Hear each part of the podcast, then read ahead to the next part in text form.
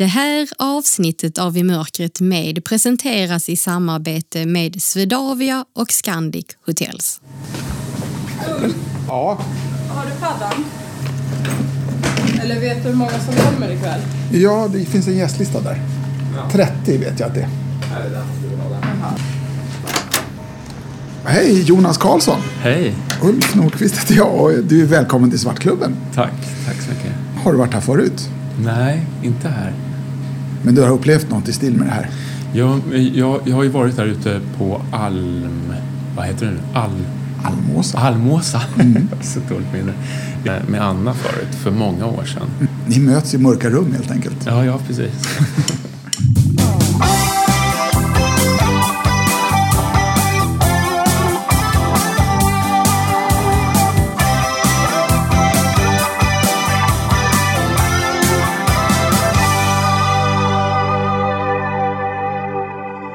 Välkommen till I mörkret med. Jag heter Anna Bergholtz.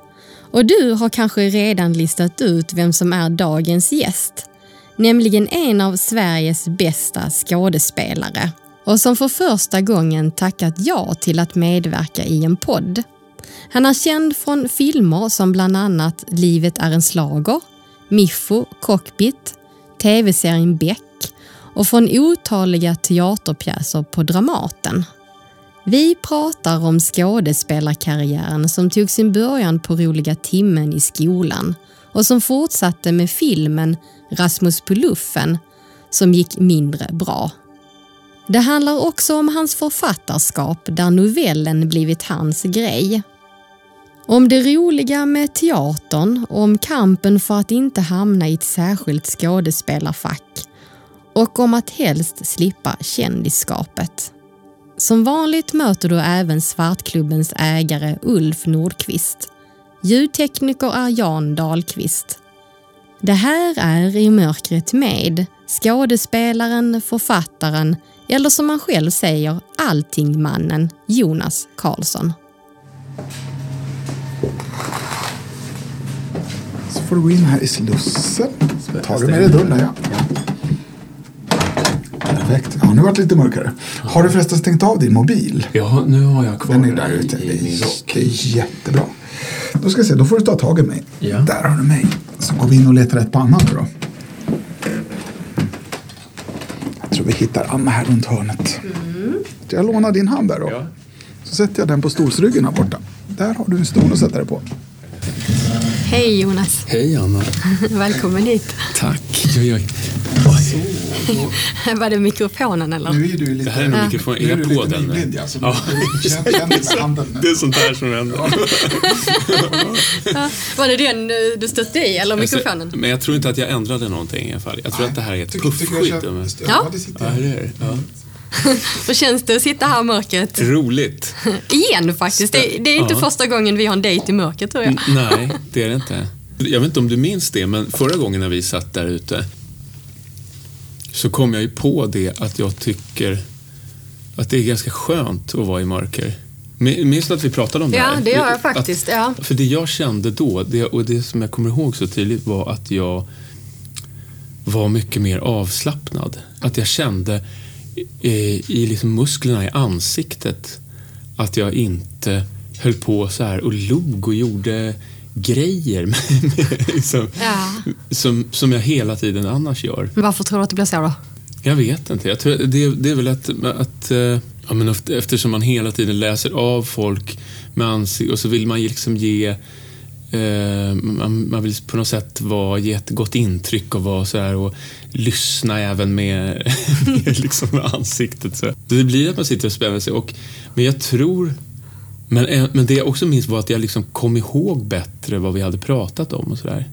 Ja, vad pratar vi om då? För det kommer inte jag nej, nej, jag har glömt det nu, men jag minns det då i alla fall. Och så minns jag också att det var någon som tyckte att det var hemskt otäckt. kanske ska berätta för de som lyssnar att, att eh, varför vi sågs. Det var ju att Ja. vi satt i en ljudboksjury Ja. Eh, första ljudbokspriset skulle delas ut i Just det. Sverige och Precis. eh, vi var med i juryn. Ja. Och jag var den enda juryn som eh, var blind. Så att för Just mig det. var det ju vardag precis som det är nu. Just det, just det. Så, men jag tror att eh, ni som eh, var seende då i juryn kände någon slags trygghet i att jag fanns där. Nej, men det är ju lite olika om man upplever det. Så vi får se hur du upplever det här nu idag då. Sen, sen kommer jag också ihåg hur, hur eh, fruktansvärt svårt det var att äta med bestick. Och eh, det var så svårt så att jag till och med till slut tog lite så här med händerna. Ja, och du vet vad som är så bra? Just när alla sitter i mörkret så kan man ju göra det. Ja, precis, precis. Men det kan man ju inte göra annars. Nej. Men, eh, nej, men så, då, då sågs vi ju och nu sitter vi ju här på Svartklubben. Och här har du inte varit förut va? Nej, Nej. det har jag inte. Mm. Men du bor här i krokarna? Ja, alltså, jag bodde ju väldigt nära här förut. För, för många, jag har ju bott på Skånegatan en gång i mitt liv. Ja, där bor Ulf. Ja, är det så? jag bodde på Skånegatan uppe vid eh, Sofia kyrka. Även när jag gick på scenskolan, Teaterhögskolan, som på den tiden låg uppe i Helgalunden där. Och så att varje dag så gick jag Skånegatan så här fram och tillbaka. Liksom mitten på 90-talet, precis under den tiden när det här området gick från att vara ja, men liksom verkligen så utkanten av stan. Ah. Du vet, Nytorget då på den tiden, det var ju bara det var ett sånt där alkistorg. Ja. Med, det fanns ingenting, det fanns en post. Som jag älskade. Ja, gjorde du? Varför det då? Ja, jag tyckte det var så skönt att gå dit och liksom, eh, och jag verkligen Post som romantiserat inte finns idag. Ja, men Alltså, exakt. det är ju, mm. Du vet, man kunde gå dit och hämta paket och man Ja. fick betala sina räkningar när man visste att de blev betalda. så, så, så jag gick den här fram och under de fyra åren, för den är ju fyra år, mm. Teaterhögskolan, Ja. så, så vart det liksom en helt annan värld här. Liksom, ha, eh, Hannas krog kom ju väldigt tidigt. Just det. Den, den fanns ju där redan då. Och sen var det Café String var ju också sådär väldigt... Det var de som var liksom ton, satte tonen på något sätt. Men se, och sen liksom kom de så här en efter en. Pet Sounds och Ja. du vet. ja, och nu är det verkligen eh, liksom city, city och allt händer här och alla vill bo här. Ja. Ja, jag tror att Ulf, har du någonting till oss kanske? Det har jag. Ja. Jag har, här ska vi se Jonas, så får du ett glas, Ah. du får en dryck och du får en öppnare. Får vi se om du kan öppna den och hur du väljer att göra. En del väljer ju att hälla drycken från flaskan ner i glaset och dricka ur glaset. Andra får ju se på något annat sätt som jag inte riktigt vet hur. Vänta, nu ska vi se. Här, här är ett Känner du? en öppnare och här är ett glas. Just det. Där ska vi se. Vänta lite. Och eh, jag tänkte så här att när, eh, när vi fått upp de här flaskorna och hällt upp i glaset så har jag en sång som jag skulle sjunga just nu. Vad trevligt. Bra, Så är det faktiskt. toppen. Där, Kan, får man dricka direkt ur? Det är ingen som ser det fusk! Är det fusk? Ja, men det jag kan hälla i tycker jag. glaset. Jag häller i glaset. Då. Höra ljudet också. Hur gör du nu när du häller då? Du vet att det finns ett blindtryck. Att man sticker fingret lite så här. Ja. Kommer du ihåg det sen sist eller det listar du ut själv kanske? Bra!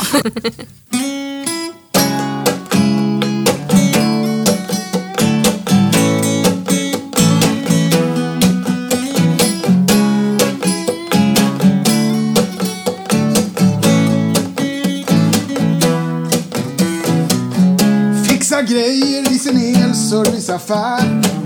Många undrar vad gör han där? Checka läget så får du se. Resa är världsmästare. Stefan står i sin skivbutik.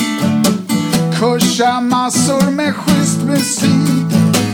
Grammofonskivor, vad är det? Gå till Petsan så får du se. Skånegatan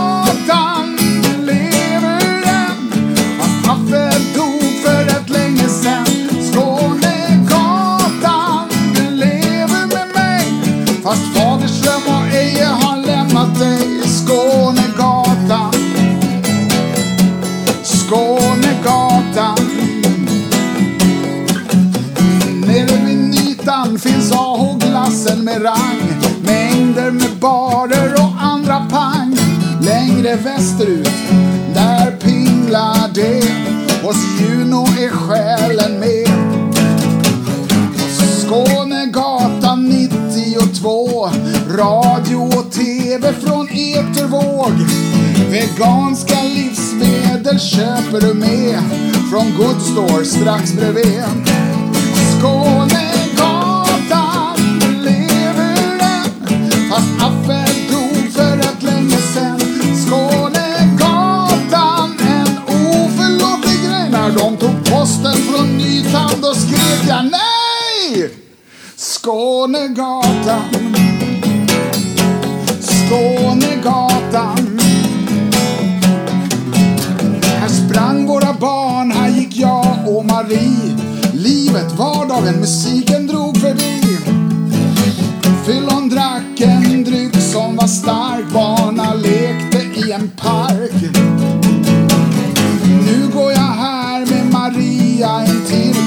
Det flådigt och fint. Ät och drick vad du vill Långt från loppbod och Saab 63 Här är Porsche och BMW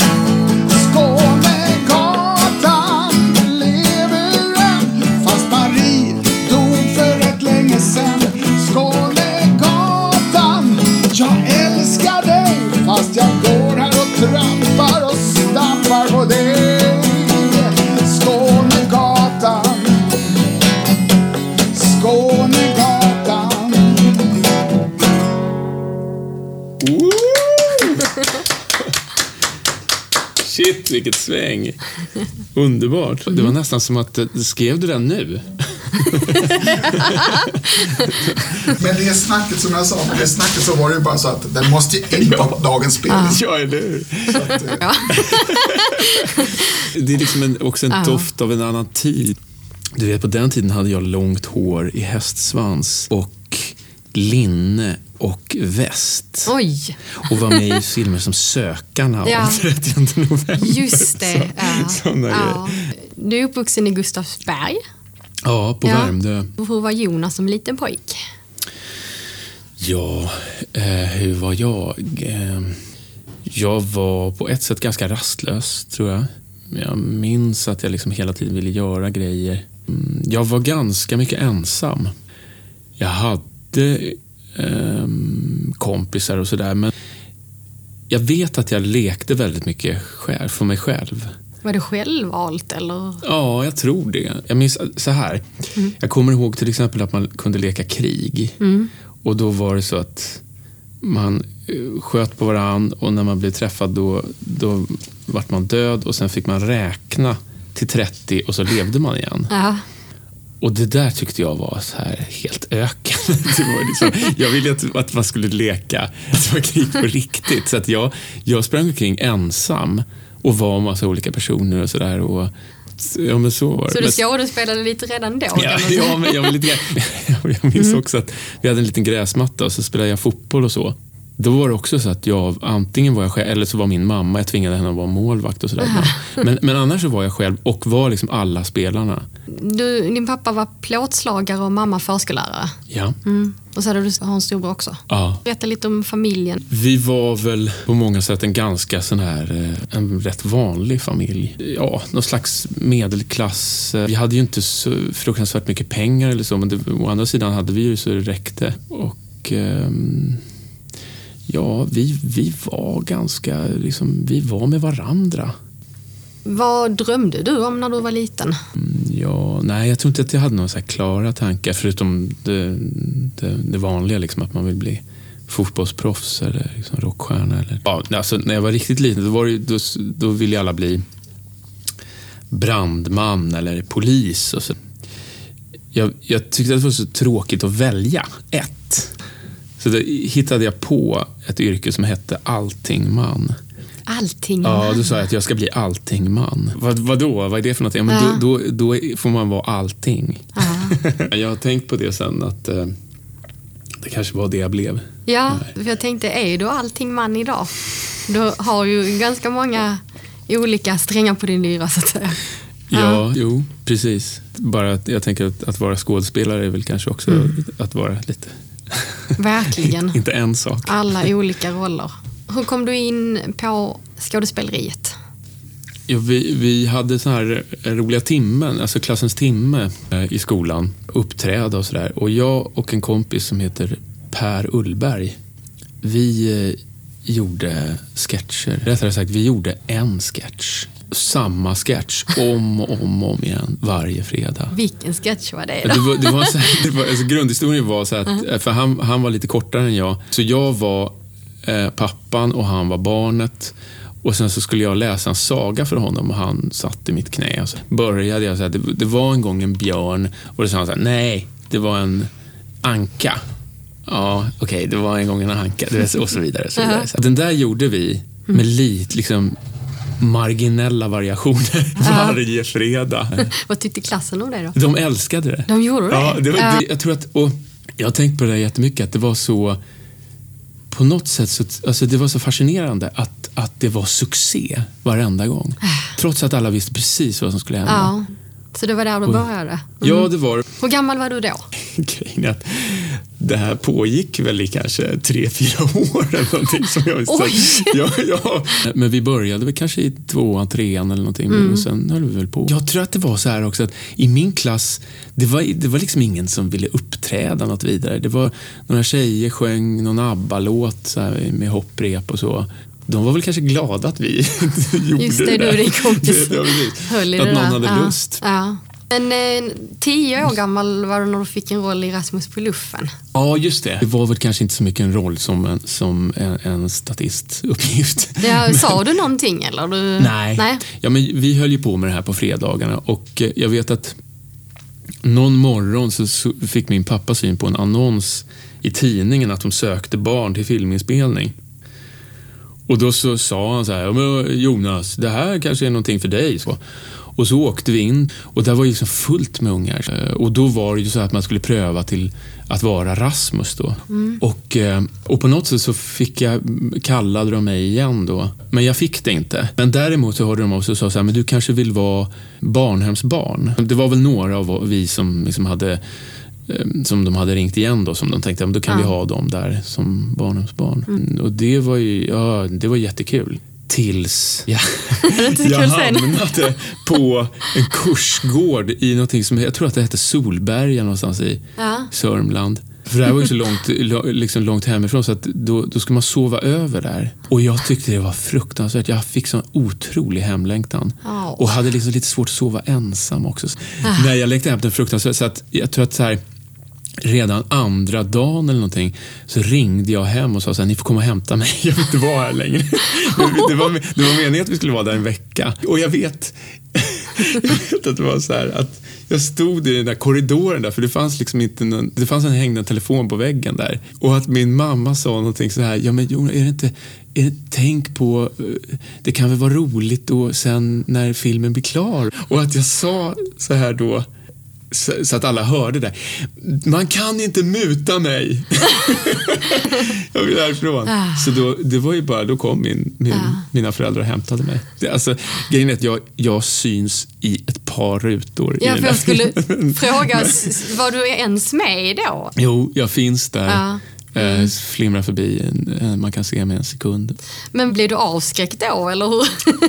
Ja, det blev, för att så här, alltså själva knäckfrågan, det var ju att man skulle sova borta, Ja. Mm. det, det klarar inte jag. Men sen måste jag ju säga att den där inspelningen var ju inte alls, det var ju liksom inte alls vad jag hade tänkt. Det, det var ju bara jättetråkigt att sitta och vänta. Jag trodde ju så att man skulle få min bild av liksom, det var ju mer att man skulle få leva i den där filmvärlden. Liksom. Ja. Att vet, vara barnhemsbarn. Jag kommer ihåg att jag gått och övat mig på att vara så lite sorglig. Och så jag tänkte att sen barnhemsbarn Just det. var min Ja. bild av det. Men, Ja. men det var det inte alls. Alltså, det som hände sen var att jag började på ett ställe som hette Miniteatern. Som var som, alltså, ungefär som en, en slags vår teater. Som, Mm. På Odengatan i Stockholm. Jag och min kompis Per. Det, det var ju jättekul. Mm. När du berättar så känns det ju som att eh, det var självklart att du skulle bli skådespelare. Var det så självklart som det låter? Nej, inte alls faktiskt. Jag tror inte att jag... Alltså, min familj, eller där, där jag kommer ifrån, så fanns inte det riktigt på karta. Det fanns inte att välja att man kunde bli skådespelare. Till att börja med så var ju inte vi, vi var ju nästan aldrig på teater. Jag tror att jag var på teater totalt tre gånger, alltså ända fram till att jag sen så småningom började på teaterlinjen. Mm. Jag vet att mina föräldrar sa så här att det där kan du göra på fritiden. Liksom, det. Mm. Skaffa dig ett... Det var inte riktigt, riktigt jobb eller? Nej, precis. Och, eh, så därför började jag också på treårig ekonomisk linje. Och hur gick det? Det gick åt pipan. När jag kom till den här ekonomiska linjen så, så insåg jag ju att jag var liksom full, monumentalt ointresserad av allting som man fick lära sig där. Ja. Det här med debit och kredit och sådär. Och, det- och det var, alltså på ett sätt var det bra. Därför att eh, jag blev liksom medveten om att eh, jag kommer aldrig kunna hålla på med det här.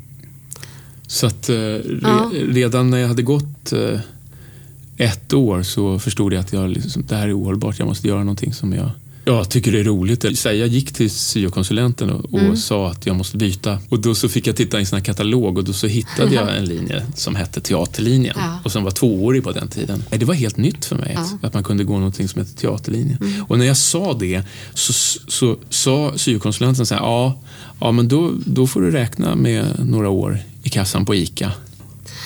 Du vet du vad? Du Nej, ska faktiskt få en liten sak av mig nu, ska jag bryta in med. nämen. Mm, innan vi fortsätter. Nu lämnar vi i mörkret med för en kort stund för att möta vår samarbetspartner Swedavia. Swedavia är det statliga flygplatsbolaget som äger och driver tio flygplatser runt om i landet. Maria Akrén heter jag och är en av tre teamchefer för eh, ledsagning här på Arlanda.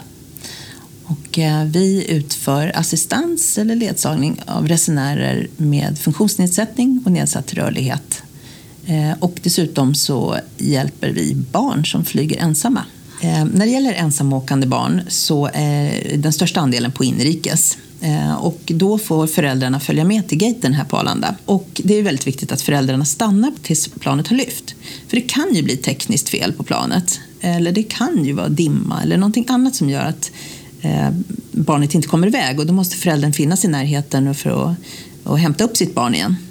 Sen när vi går ner till flygplanet med barnet så överlämnar vi det till en eh, kabinanställd och talar om att det här är Kalle och han åker ensam för första gången. Och då eh, har de uppsikt över honom sen under hela flygresan. Och när han kommer fram till sin destination så står en person utanför dörren och, och möter upp. Sen så får ju barnen med sig ett eh, formulär eh, där föräldrarna ska ha fyllt i vem som ska lämna barnet och vem som ska hämta barnet. Och det är väldigt viktigt att man har med sig legitimation för att vi lämnar inte ifrån oss barnet till någon annan än den som står på pappret. Så har man skrivit att det är farmor som ska komma och hämta så kan inte eh, någon annan dyka upp istället utan det måste vara farmor och eh, det är ju naturligtvis för barnets säkerhets skull. Det kommer sig av att det idag finns vårdnadstvister där man faktiskt inte vet vem som får hämta barnet. Så vi är jättenoga med det. Och eh, har man glömt sin legitimation får man åka hem och hämta den. Och det är bara för barnens bästa såklart. Sen kan det strula till sig. Det kan bli snöstorm och planet kanske inte kan landa dit det skulle. Eh, Och då är vi jätte, jättenoga med att barnen aldrig lämnas ensamma. Hur bokar man när man ska åka som ensamåkande barn? Då bokar man eh, i samband med att man köper biljetten så bokar man också eh, och betalar för eh, den servicen som vi har för ensamåkande barn. Så att eh, där eh, finns det en kostnad förknippad som flygbolaget eh, tar ut. Så det är flygbolaget som eh, tar betalt? Precis, och sen Ja. utför vi den tjänsten åt flygbolaget på deras uppdrag. Ska vi se om du kan känna vad det här är? Ska se om jag hittar dig. Om du tar händerna där. Där, där ja. Här, oj. Vänta, det här är en isbergssallad. är det det? Du tog det direkt. Ja, ja det är det, eller hur? Det var imponerande. Får jag en isbergssallad? Varför får du det tror du? Eh, ja, för att jag har plastat in sån här isbergssallad en gång i tiden. Är det det? Jag läste det, en artikel om det. Ja. För du sa just det att eh, den här sykonsulenten sa att då får du vänta dig att jobba på ICA typ. Just det. Mm, och det så gjorde blev du. Ja, men exakt. Men alltså, det, hur kunde du ta det så fort? Och gissa det? På isbergssallad? Ja. men du vet, jag har hållit i liksom hundratals såna här. Och just plastat in dem, med, inte med den här, för här märker jag en sån här påse med ett litet, en liten det tejp. Ja, exakt. På min tid, då, då tog man ju bara sån här, pla, det var liksom en stor plast, typ gladpackplast på jätte, såna här jätterullar. Och sen så drog man ut och sen så bara svepte man in den här och sen langade man iväg den i, i liksom en låda. Och det var alltså det var ganska skönt att stå där och bara så här göra ungefär samma rörelse. Kunna Ja. stå och liksom tänka på någonting annat. Vad var det som var skönt i det då? Jag tror att det var...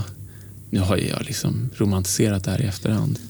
Kanske för att jag har ett sånt jobb där man hela tiden är liksom tvingad att vara kreativ och liksom aktiv hela tiden. Så att, därför så ser jag med lite så här romantiskt skimmer på de här jobben som jag haft när man kan stå i andra tankar och ändå åstadkomma någonting. Jag skulle naturligtvis inte vilja stå där dag ut och dag in. Det skulle ju vara hemskt. Men, men eh, lite då och då.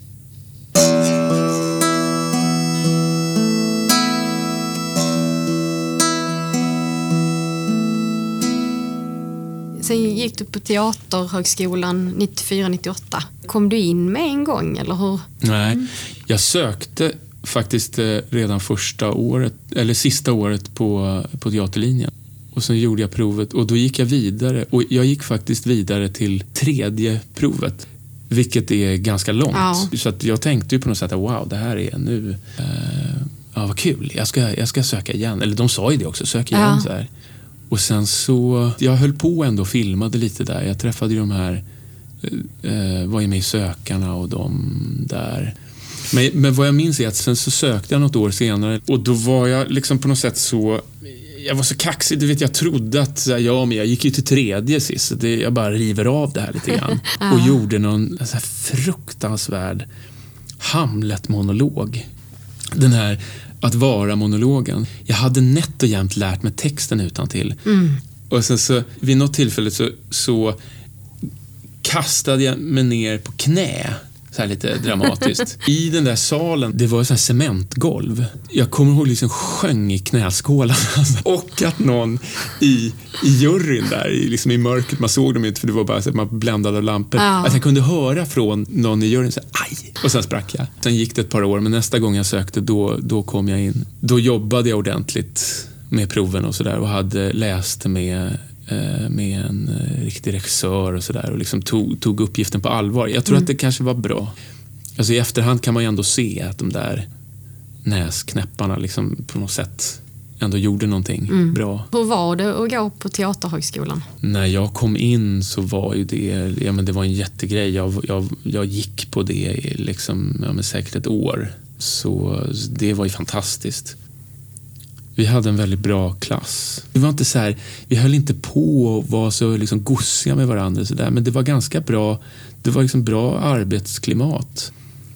Bra stämning, ganska liksom, Stöttar ni varandra? ja, det tycker jag. Det kan ju tänkas att det finns konkurrens annars. Jo, alltså det gör det ju. Och vi var ju tio stycken i vår klass. Och i någon klass var de åtta och i någon annan var de bara sex. Så att det är ju liksom, det blir ju väldigt mycket som en familj. Jag tänker, skulle man gå ut och fråga folk på stan så vet ju de flesta vem du är. Vad skulle du själv säga liksom blev ditt genombrott? Och nu menar jag inte genombrott eh, så som eh, folk ser det i stort, att nu blir han känd och så, utan vad är liksom ditt personliga genombrott? Att du kände att nu kan jag leva på att vara skådespelare. Egentligen var det väl inte förrän nu är det så länge sedan, men, men som jag minns det så var det så att i, i trean på, på scenskolan så har man ju praktik. Och då var jag, eh, Dels så var jag med i en, en uppsättning av Tartuffe på TV-teatern. Sen gjorde jag eh, en pjäs som heter Rumäner av Lars Norén på eh, Teater Galeasen. Mm. Någon gång under den, under den produktionen så, så vet jag att jag kände sådär någon kväll, det här är så fruktansvärt roligt, intensivt och, och sån, liksom så här, sån närvaro när man står där och jag är ganska bra på det. Det var väldigt starkt ögonblick och då tror jag att jag på något sätt kände så här, men, men fan, det är det här jag vill hålla på med. Alltså, sen, så jag kan inte säga att jag kände så här, wow, jag kan, nu kan jag leva på det här för jag är så bra på Nej, det. men det var ditt här, aha, ja, nu vet jag vad jag vill eller? ja, det var så starkt också. Jag måste ju fråga, för jag är ju en person som Åh, jag gillar inte att spela teater. Jag, jag tycker bäst om att vara mig själv. Vad är det som är så roligt? Eh, det är ju flera delar. Det är ju dels att man får vara någon annan och eh, att man eh, liksom får eh, förmedla någon annans ord och sådär. Alltså spe. Jag tror att det, jag, det här är jag jättedålig på att beskriva det här. Jag, jag, men om man ska bara bena ut det lite grann så är det för att det är ju ändå så att de, mina absolut starkaste upplevelser har jag ju haft på teatern. Både som skådespelare och publik. Sen tycker jag jättemycket om att filma och sådär också. Ibland blir jag fruktansvärt trött på teatern. Det är ändå på något sätt där som det har hänt. Mm och händer. Det är en kombination av det där att det är precis just här och nu, den här kvällen, och som vi delar, liksom Ja. allihopa. Men du, hur känner du när du ska gå upp på scen? Är du nervös och så? Ja, det är Fortfarande, efter alla år? Ja, nä, nästan mer än någonsin. Eller det, ja, det beror ju på förstås vad det är för någonting. Men jag vet inte, jag har liksom varit med så mycket också så att jag vet, liksom, man, man jag vet vad som står på spel. jag, har- jag har en massa förväntningar på mig också. Ja. Sådär, och det är ju en slags skräckblandad förtjusning. Jag vill ju ha den där spänningen, den där nerven. Liksom. Jag menar, om den dagen det inte, den inte finns där, då, då, tror inte, då ska man ju inte hålla på. Mår du dåligt ibland då när du ska gå upp på scen? Det låter som att du har jättehöga krav på dig själv. Ja, men jag tror att jag har det. Inte, inte en vanlig föreställning kanske. Alltså, jag, vet, jag kommer inte ihåg vem det var som sa det. att En dag när man har en föreställning, man, man vaknar och så är den dagen förstörd. Lite så är det. För att jag försöker ju att kombinera mitt skrivande med att eh, spela och Ja. filma och sådär. Och länge så trodde jag att jag skulle kunna sitta på dagarna och skriva och sen gå och spela på kvällarna. Men, men det funkar inte. Men, men det, alltså, en vanlig föreställning är inte så farlig. Men jag vet att när vi hade premiär på Rikard III Ja. här för ett par år sedan var det väl. Då mådde jag så fruktansvärt fysiskt dåligt Ja. innan. Hade liksom hade svårt att sova och även under hela, praktiskt taget hela föreställningen. Då mådde jag så dåligt så att jag sen tänkte efteråt att är det värt det? Ja, precis. Ja. Det är ju väldigt många som just står på scen som säger precis samma sak som du gör. Ja, Det är bättre att sitta här i mörkret. ja det är det. ja. Ulf eh, står ju på scen här då, Ja. var och varannan skönt. kväll. Ja. och jag tror att han har lite mer att bjuda på.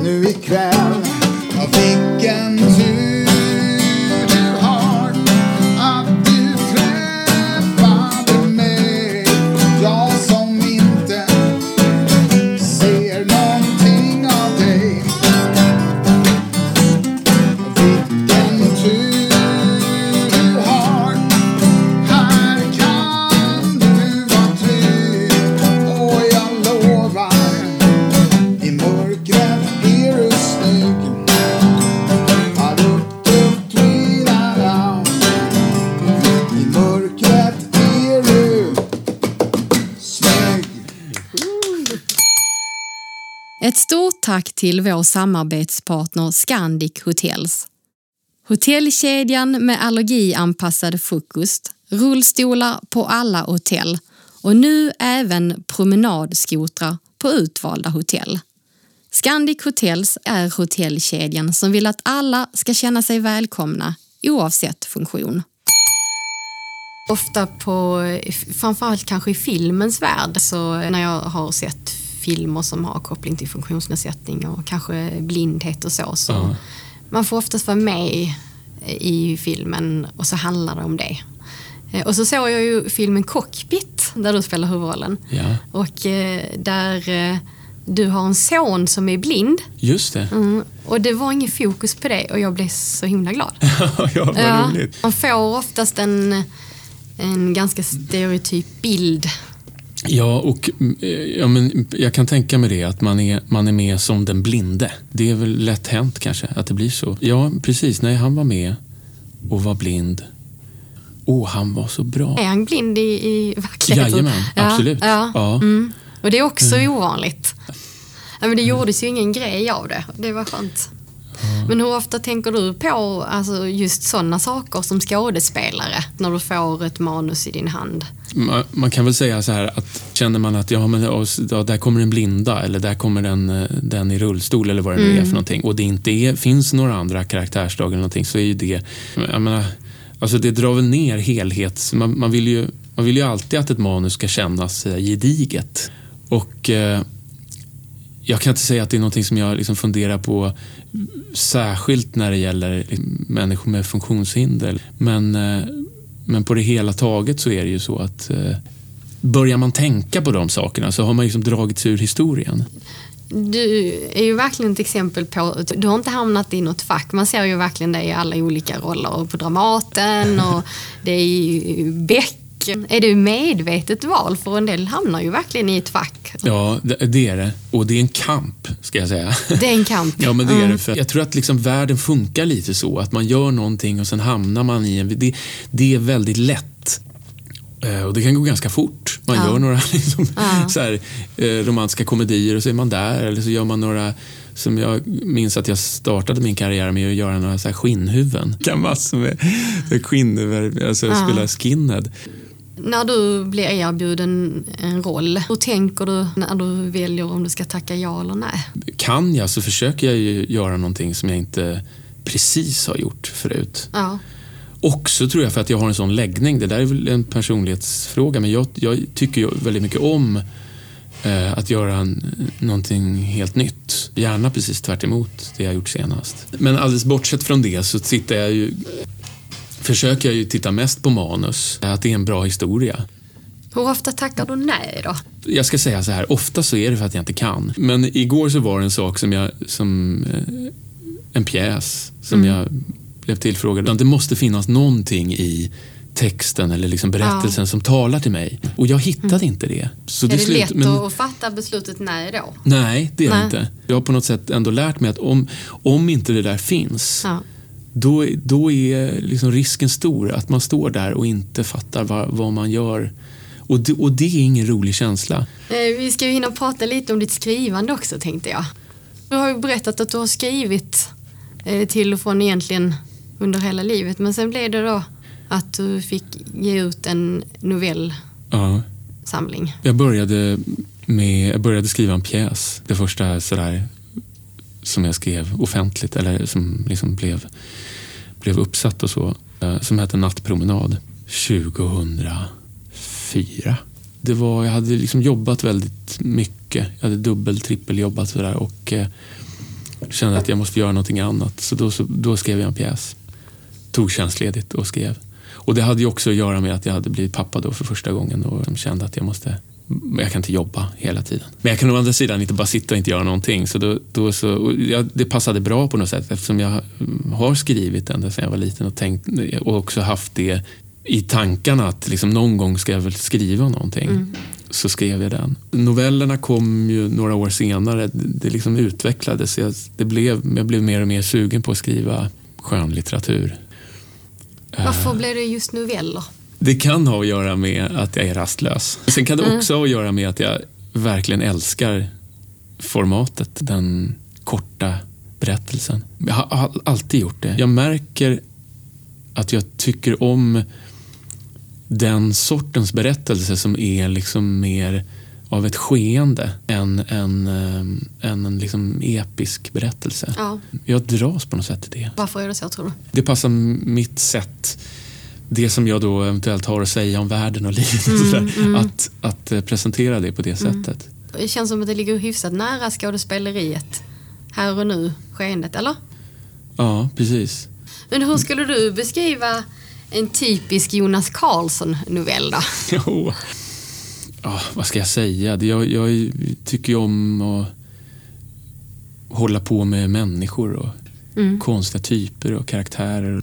Men det är Någon- ganska oväntade vändningar och överraskande. Och Ja, jag läste alltså- den här äh, om äh, fakturan igår.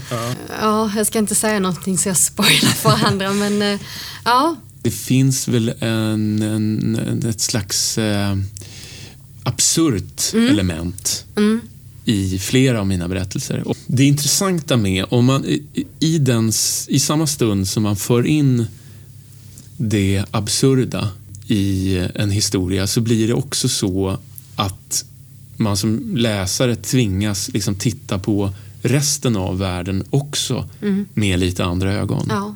jag, jag är inte så mycket för fantasy eller liksom, eh, science fiction sådär. Det, det är ingenting som jag läser eller så. Men jag, jag gillar det där när det är någonting som, är, som man inte riktigt fattar. Eller som är, som är liksom en, en, en, en lätt förhöjning. S- Som att det liksom bara är, det tippar lite grann.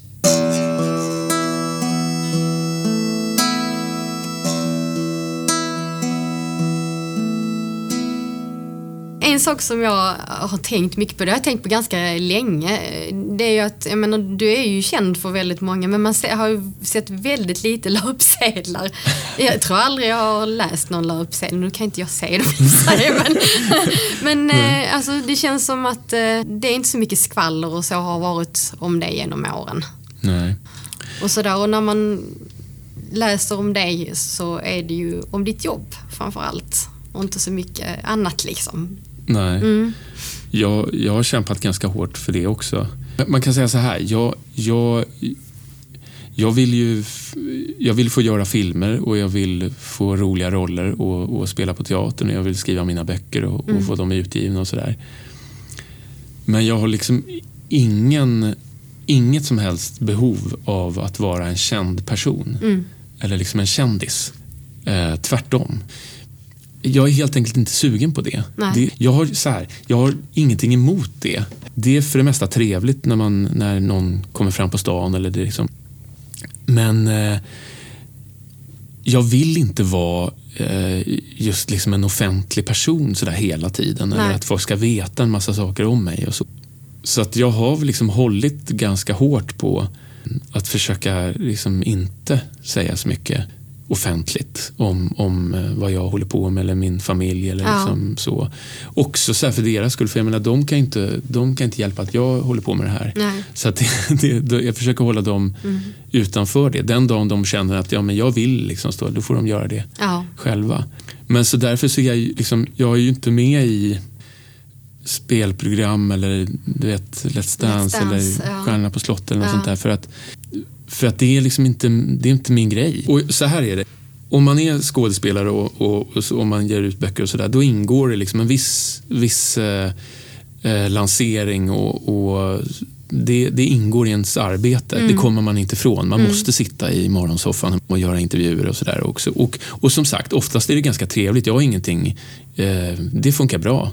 Eh, Och jag menar, de flesta vet nu också att jag, att jag liksom inte vill prata Ja. om några privata grejer. Så, Ja. att säga. jag får nästan aldrig de frågorna. Eh, jag, det funkar ganska bra. Ja. ja, det har ju uppenbarligen gjort det. Ja, alltså, jag Ja. menar tillräckligt. Mm. Ibland så, så här, du, någon gång så har jag tänkt sig, ja men jag kanske skulle ha liksom, jag borde kanske ha varit med i någonting då du vet för att vara Fast å andra sidan, jag vet inte varför det. Jag, liksom, jag gör ju det här jag gör och det... det Va- varför skulle du då ha varit Nej, med? men du? av karriärmässiga skäl. Ja, man kanske ja. Mm. skulle liksom vara, figurera lite mer. Men, men liksom, jag trivs ganska bra med som det är nu. Men när du har fått frågor då av privat karaktär om familj och dina barn och så. Ja. Hur har du hanterat det? Jag ska säga att jag, jag har blivit så fruktansvärt bra genom åren på att liksom avstyra dem. Jag har verkligen utvecklat en talang. Man är ju alltid där av någon anledning. Det är någon film eller någon som ska lanseras. Du brukar alltid på något sätt leda in det på det. Eller så mm. säger jag bara att jag inte vill prata om det. Mm, och jag har inte ställt många frågor om det. Nej, du har inte det. nej, för jag har känt också att nej. Eh, för det känns som att eh, jag har fått den bilden av att ja. den integriteten vill du ha. Ja, mm. och jag är tacksam för det. Och jag är jätteglad att du har kommit hit. Och jag är jätteglad att jag fick komma hit. Ja. Det, var, det var underbart. Jag älskar att sitta i mörkret. Ja, du kan vara kvar här. kan fråga Ulf om du kan få jobba här. Ja, eller? ja, ja, faktiskt. Ja. Vara med i bandet. Ja, precis. Vara med i bandet. Ja. Jag har en liten sak som du ska få göra, Jonas, innan okay. vi ska släppa iväg dig här. Är det isbergssallad inblandad? ja, det låter så va? Inte mera, jag lovar. Jo, en liten bok som du ska få skriva en liten autograf för vi har ju lite olika gäster här ja. i, i podden. Ja. Eh, och nu ska jag bara säga så att du skriver över någon annans. Hur vet du det? Har du vikt in? Jag, jag har en liten eh, sån här sidenband du vet, ah, som man lägger. Mm. Och sen känner jag faktiskt det igenom pappret här också. Att, eh, att det är skrivet, skrivet på. Ja. Mm. Här har du en penna. Gud som jag hittar. Där är pennan. Där är pennan. Och sen ja. har du, jag har lagt boken, en liten sån här anteckningsbok där. Här är boken. Så. Har du skrivit eh, autograf i mörkret någon gång? Nej, det har jag inte. Nej, hur gick det då? Jag, jag tror att det gick bra. jag försöker känna vad det här är för anteckningsbok för att jag har, jag har ju mina favoriter som är med ett sånt här svart vaxdukshäfte. Det är ju så lite mjukt och man kan böja det och så. Och de brukar köpa men ett tag så gick de inte att få tag på dem där. I just min, vad kan det vara för någon A, A, A6, in, inte pyttelitet men ändå ganska litet. Så att ett tag fick jag köpa sådana som var i A4 Sen la jag dem på skärbrädan och skar, du vet, sågade jag av så att de blev i rätt format. Vilket jobb, ja men det är ja. viktigt. Sådana detaljer kan vara väldigt ja, viktiga för ens kreativitet. Ja, de var så perfekta. Ja. Du vet, man kunde få ner dem ja. i rockfickan. Och ja. ja, det där är någon inbunden bok. Eh, jag kan säga, det är en av de sakerna jag saknar med att inte se. Eh, jag skrev mycket dagböcker när jag kunde se och då gick jag och valde en fin eh, bok att skriva i.